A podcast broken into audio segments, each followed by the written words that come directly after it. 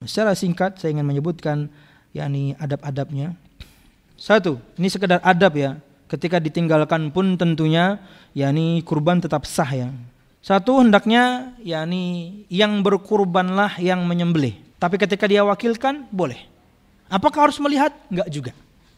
Ketika seorang mewakilkan binatang kurbannya kepada orang lain dan binatangnya disembelih di kota tertentu atau tempat tertentu yang itu yang diniatkan oleh masjid kalau berlebihan kita ingin kirim sapi ke tempat lain maka boleh. Tidak harus.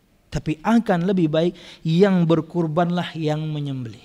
Dua gunakan pisau setajam-tajamnya. Karena berdasarkan sabda Nabi Muhammad innallaha katabal ihsan ala kulli syai. Allah telah mewajibkan kita berbuat baik kepada apa pun dan siapa pun termasuk pada binatang. Kata Nabi Muhammad, "Idza dzabhtum fa'sinu dzibha wa idza qataltum fa'sinu qitla falyuhid ahadakum syafratahu wal yurih dzabihatahu."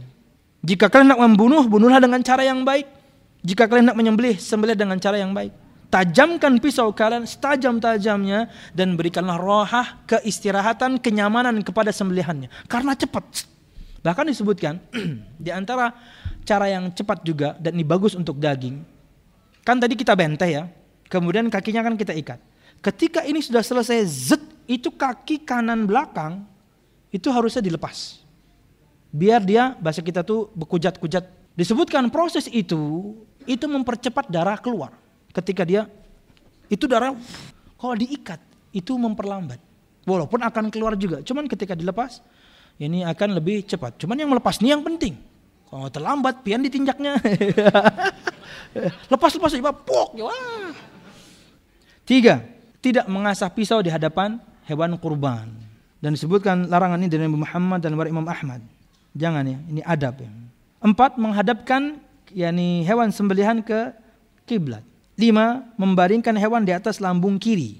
Karena eh, rata-rata e, orang itu adalah nggak lefty nggak kidal. Rata-rata orang itu tenaganya ada di kanan. Makanya ketika kita baringkan dia di lambung kirinya, berarti kita nanti akan mudah menyembelihnya dengan tangan kanan.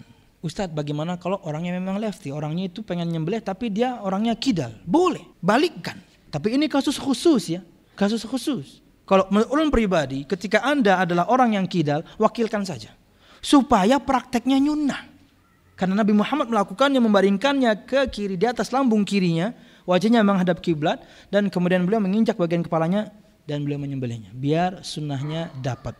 Allah alam bisa. Tapi kalau misalnya anda tetap dengan kiri juga, arahnya dengan seperti itu juga bisa kan? Karena ini dipegangi. Boleh pakai tangan kiri. Kemudian enam menginjak kaki di lehernya sebagaimana saudara Nabi Muhammad yang kita sebutkan tadi di awal. Kemudian yakni bacakan ketika menyembelih itu ini bismillah, ini penting demi kehalalan daging tersebut ya baca bismillah. Allah Subhanahu wa taala berfirman dalam surah Al-An'am 121, "Wala ta'kulu mimma lam yadhkur ismallahi alaihi wa innahu lafisq." Janganlah kamu memakan binatang-binatang yang tidak disebut nama Allah ketika menyembelihnya. Satu permasalahan. Di zaman Umar bin Khattab ketika beliau jadi khalifah, banyak pedagang non muslim, pedagang daging non muslim di pasar kaum muslimin. Kalau itu kemudian kaum muslimin resah. Wahai Umar bin Khattab, khalifah yang mulia, Bagaimana ini? Banyak pedagang non muslim sekarang pedagang daging. Mereka meragukan bahwasanya ini mesti nyembelihnya nggak pakai bismillah. Apa kata Umar bin Khattab? Sebelum kalian makan ucapkan bismillah. Simple. Maksudnya jangan bikin ribet. Pian ketika makan di rumah makan yang pian tahu mungkin pemiliknya non muslim. Tapi makanan yang pian makan adalah perkara yang halal. Daging yang halal. Yang pian pesan betul-betul ayam kah atau bebek kah basicnya halal. Bagaimana jika mereka tidak menyembelihnya dengan bismillah? Ya pastilah. Tapi sebelum makan itulah pian mengucapkan bismillah. Cukup. Jadi tidak usah ribet. 8. Dianjurkan untuk membaca takbir. Jadi Nabi Muhammad tidak menyebutkan, beliau mengucapkan bismillah dan beliau bertakbir Allahu Akbar. Kemudian dalam riwayat Abu Dawud dianjurkan ketika menyembelih nomor 9. Dalam riwayat Abu Dawud dianjurkan ketika menyembelih menyebutkan nama orang yang menyembelih. Kayak Nabi Muhammad Allahumma hadha minka walaka anni dari saya. Habis itu Nabi Muhammad sembelih. Anni wa an ummati beliau sebutkan juga dariku dan dari umatku. Sebutkan no problem. Allahumma hadha minka walaka an. Ya Allah ya Tuhanku, ini darimu dan untukmu dari fulan bin fulan, fulan bin fulan, fulan bin fulan sampai tujuh orang. Bismillah, Allahu Akbar, jebret, selesai. Jadi sebutkan, ini juga di antara adab, sebutkan saja. Kemudian yang ke-10 disembelih dengan cepat karena tadi sudah tajam setajam-tajamnya, kalau bisa juga prosesnya cepat, jangan lambat. Ini akan menzolimi. Disembelih dengan cepat ya.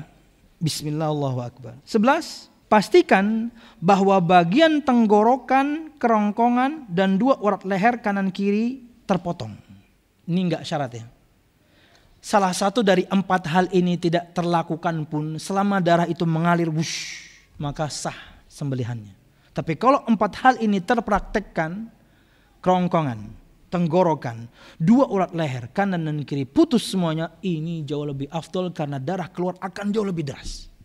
Karena kita memikirkan kalau misalnya dua urat lehernya tidak putus, ketika kerongkongan dan tenggorokannya disembelih, bagian luar dan dalam disembelih, itu darah keluar, mati dia. Tapi ketika yakni kita potong urat lehernya itu jauh lebih lebih afdol. Wallahu alam bisawab. Jadi kalau misalnya salah satu dari empat hal ini tidak terputus, maka tidak mengapa, sah. Dua tidak terputus, tidak mengapa, sah. Karena intinya adalah darah yang mengalir binatang itu mati. Tapi tentunya ini bisa dilakukan walaupun misalnya kita nyembelih, ah belum pagat, sambung, nggak ada masalah supaya semuanya putus. Karena kelihatan ya, kalau kelihatan semuanya. Wallahu a'lam bishawab.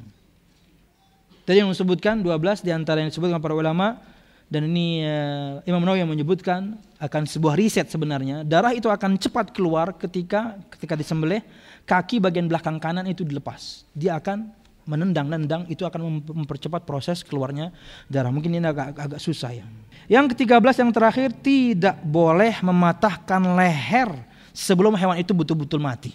Ya betul-betul sudah tenang dia mati dia silahkanlah potong yakni atau patahkan lehernya dan kemudian dipotong no Tapi kalau masih kujat-kujat itu Anda langsung penggal leher ini tidak tepat. Ini bukan adab kepada binatang. Jadi ada 13 adab dan uh, ini bisa kita praktekkan insya Allah pada waktunya dan ini yang bisa ulun sampaikan berkaitan dengan uh, hewan kurban beberapa hukum berkaitan dengan hewan kurban dan insya Allah nanti bersama Ustaz Ahmad akan jauh lebih detail. Sengaja ini cuma prolog. Wallahu a'lam bishawab.